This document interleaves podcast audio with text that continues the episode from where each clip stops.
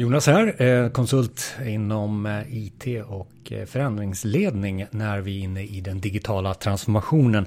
Det här är ett litet avsnitt som storyteller lite runt informationshantering som sker på, mm, i många organisationer och, och verksamheter. Och med informationshantering kan jag kanske använda det fina namnet Enterprise Content Management, ECM. Men det handlar ju om att få in information som e-post, e-tjänster, det är mina sidor, det är papper, det är projektdokument, externa system eh, som ska in i, i, i bearbetning eh, någonstans, i något system, i något sammanhang. Och sen ska vi ut med saker och ting Eh, som till exempel e-post, utskrifter, publicering, mina sidor, möteshandlingar, projektdokument, externa system.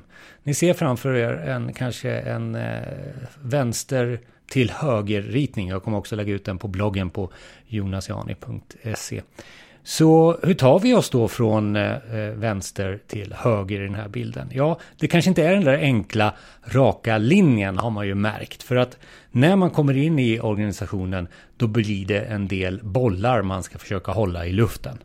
Ehm, bollarna kan vara system, det kan vara organisationstillhörighet, det kan vara lagar. Eh, man, man förhåller sig till olika saker. Men de bollarna som man brukar jonglera, det kanske är dokumenthanteringsdiskussionerna. Det är webb och intranät. Vi har ju webb och intranät och där ligger vår information. Sen har vi också lanserat det här med samarbete nu när vi har hållit på med digitala möten och känner oss varma i kläderna. Då är det dags att börja samarbeta runt information. Vart ska vi lägga det någonstans? Oftast hamnar man kanske på något system som man har haft tidigare, kanske någonting som man har haft redan på intranät tiden. Men hur får vi det här att samarbeta eh, nu då? Eh, och vi har de här registren och behörigheterna eh, som, som vi behöver ha hand om också. För där kommer in som GDPR och en del har diariehantering runt omkring det här. Och sen så är det ju då ärendehanteringssystemet, till exempel då det diariet. Alla de här bollarna snurrar ju runt i vår organisation, kanske på olika avdelningar med olika, ägarskap, olika ägarskap. Därav att vi inför till exempel ägarskap i form av PM3 och sånt där. Det blir ju väldigt rörigt, eh, tycker många, och vart ska vi börja någonstans? Var en fråga som jag fick. Och det är väl också det som man får när man kommer till en organisation. Man kan få frågan som jag fick för några år sedan. Vi behöver göra en integrationsplattform, en teknisk plattform för att allt det här ska fungera. Ett mastodontjobb alltså att få ihop allting det här. Det kommer ju ta väldigt många år och det kommer bli väldigt mycket fel och tekniken kommer inte lösa allting för att användarna hittar genvägar eller inte är nöjda eller det tar för lång tid och det kommer bättre verktyg. Så att det där eh, raderades ut ganska snabbt och man kommer in i mer en projektledarroll eller till och med PMO-roll där, där projektkontoret får styra över flera olika av de här projekten som jag nyss nämnde. För det blir ju projekt utav alla de här. Och så får man ha ett ECM-projekt som kanske håller i helheten. Mycket utav det här får man eh, eh, till sig i många organisationer just nu.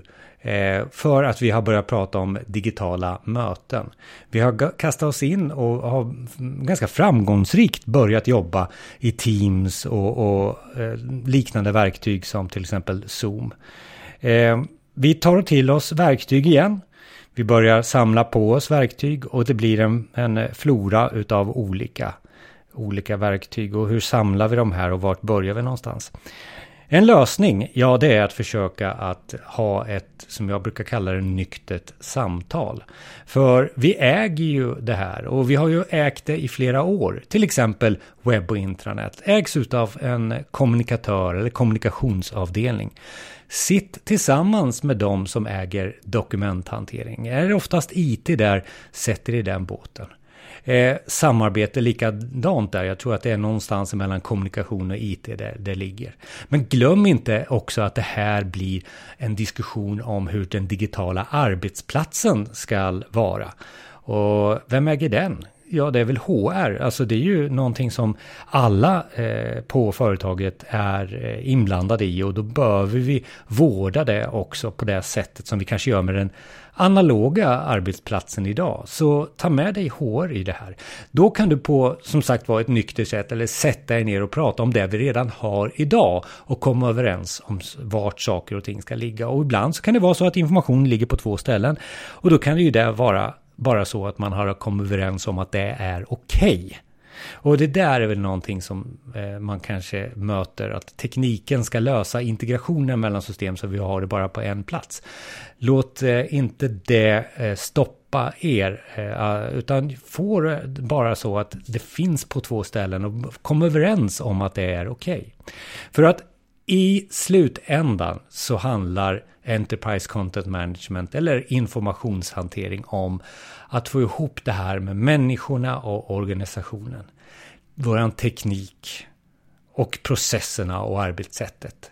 Och det är nog de tre viktigaste hörnstenarna som man måste ha med sig när man jonglerar de här bollarna som jag eh, pratade om eh, inledningsvis. Så människorna och organisationen. Var är de? Hur är vi organiserade?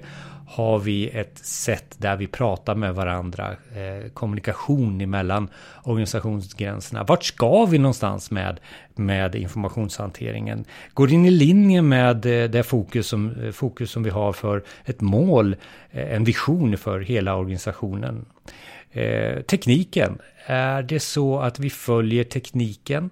Och det behöver inte vara det absolut senaste vad har vi idag? Man kanske inte behöver kasta sig på det absolut senaste verktyget, för det kanske går att göra i nuvarande verktyget. Och då måste man väl tänka på det eh, som jag sa innan om människorna och organisationerna. För att de ändrar ju på sig och nya generationer kommer. De ställer ju krav på att jobba på ett speciellt sätt. Så tekniken måste vi kanske följa med tiden också.